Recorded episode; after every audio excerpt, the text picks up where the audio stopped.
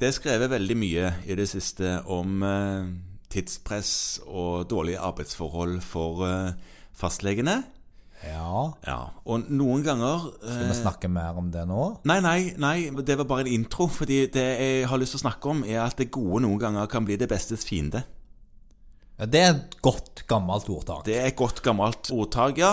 Og det jeg, jeg tenker tror vel kanskje det er det om Det Det er bra. beste kan bli det godes fiende. Ja, ikke sånn, sant? sånn var det. Ja. Eh, Men poenget var i alle fall at eh, Og det beste i dette tilfellet handler om hjelp til behandlingsstrategi. Som ligger i guidelines og retningslinjer og den typen ting som vi har å forholde oss til. Våre vidunderlig vakre over 50 nasjonale faglige retningslinjer. Ja, noe sånt.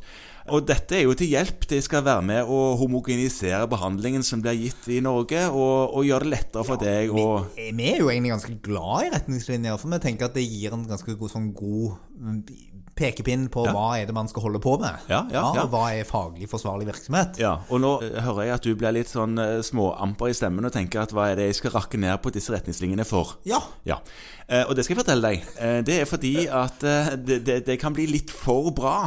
Det er litt for god hjelp. For hvem? For- Litt for god hjelp for pasienten. Altså, vi skal, legen skal gjøre litt vel mye for Ja, ok. den enkelte. Nå, nå tror jeg jeg vet hvor du er på vei. Nå har, har du vært ute og lest igjen nå. Jeg har vært ute og lest igjen. Ja, det er det er jo, Man kan jo bli skeptisk til all denne lesingen, men jeg regner med du har vært hos våre venner over i BMJ? Jeg har vært i BMJ ja, Ja. og lest ikke om number needed to treat, men time needed to treat. Og det, det er et veldig godt poeng som kommer fram i denne artikkelen som, som de publiserte eh, nå i år.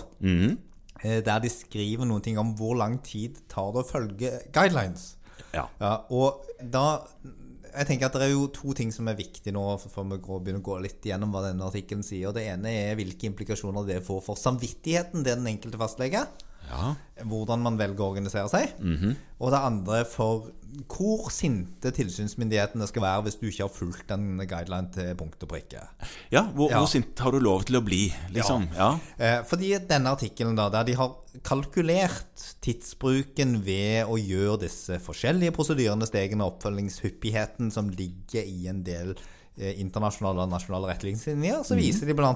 til at eh, hvis amerikanske fastleger Ja. i en amerikansk populasjon skulle følge guidelines, ja. Til både denne her preventive care og acute care Ja. eh, på 2500 pasienter. ja, Det var noe der. Ja, på 2500 pasienter, som er en vanlig amerikansk oppfølging. Ja. Men hvis de da skulle gjøre de tingene ut ifra en sånn normal populasjon, Mm. som ligger i retningslinjer for, nasjon for Ja. nasjonale retningslinjer, så måtte de da jobbe 27 timer i døgnet. Ja, Ja. sant? Ja, som, er, som er mye. Selv for oss som har fått innvilga 36 timers døgn. Ja, Ja. så er det litt drøyt. Det blir lite tid til annet. Og Mhm. eh, Blant annet så viste de også, at, som, som er litt mer nærme oss Ja, at nå- hvis, ja.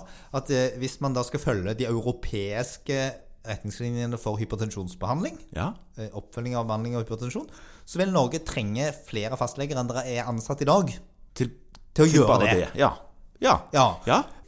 Og da blir det vanskelig å leve i en ideell verden. Ja, det blir, ja, men det blir jo gysla god hypertensjonsbehandling, da. Men det, det går litt dårligere med diabetes og, og, og kols og sånt. Ja, det er klart, klart at det var veldig Altså, du ville sikkert ha fått en marginal nedgang i hjerte-karsykdom og i slag. Ja, Men eh, hjelpes oss så mye psykiatri du ville blitt. Ja, ja.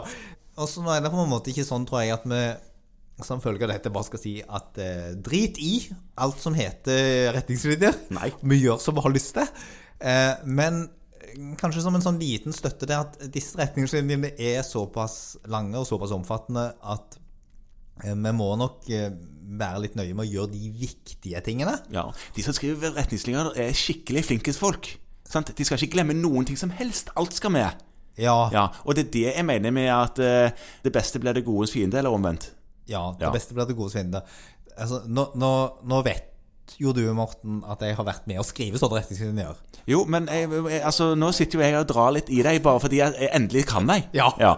Og ja, vi er veldig sånne flinkest folk. Og og skal vi si det at, at eh, vi allmennleger som er med og skriver sånne retningslinjer, vi gjør vårt beste for og begrense omfanget. Prøve å file litt ned på hvor mye som må gjøres. i Ja, det og, enkelte tilfellet. da. og, og, og så tenker jeg at det skal òg være en liten sånn motivator tenker jeg, til å tenke at kanskje ikke alt i en retningslinje trenger å gjøres med en 20 minutters konsultasjon hos deg. Nei da, det er sant. At du kan på en måte drive dette på en mer effektiv, tverrfaglig måte, og sørge for å få gitt god behandling. For Mhm. Ja. det som uansett er viktig i retningslinjen, er ikke nødvendigvis hvem, men at. Ja. Og det gjelder mange av de. Ja, og, og det denne artikkelen egentlig sier, da, det er at de som eh, lager behandlinger og legger til rette for eh, på en måte arbeidsvilkår til fastlegene for vår del, da, de må bruke litt time needed to treat inn i betraktningene sine.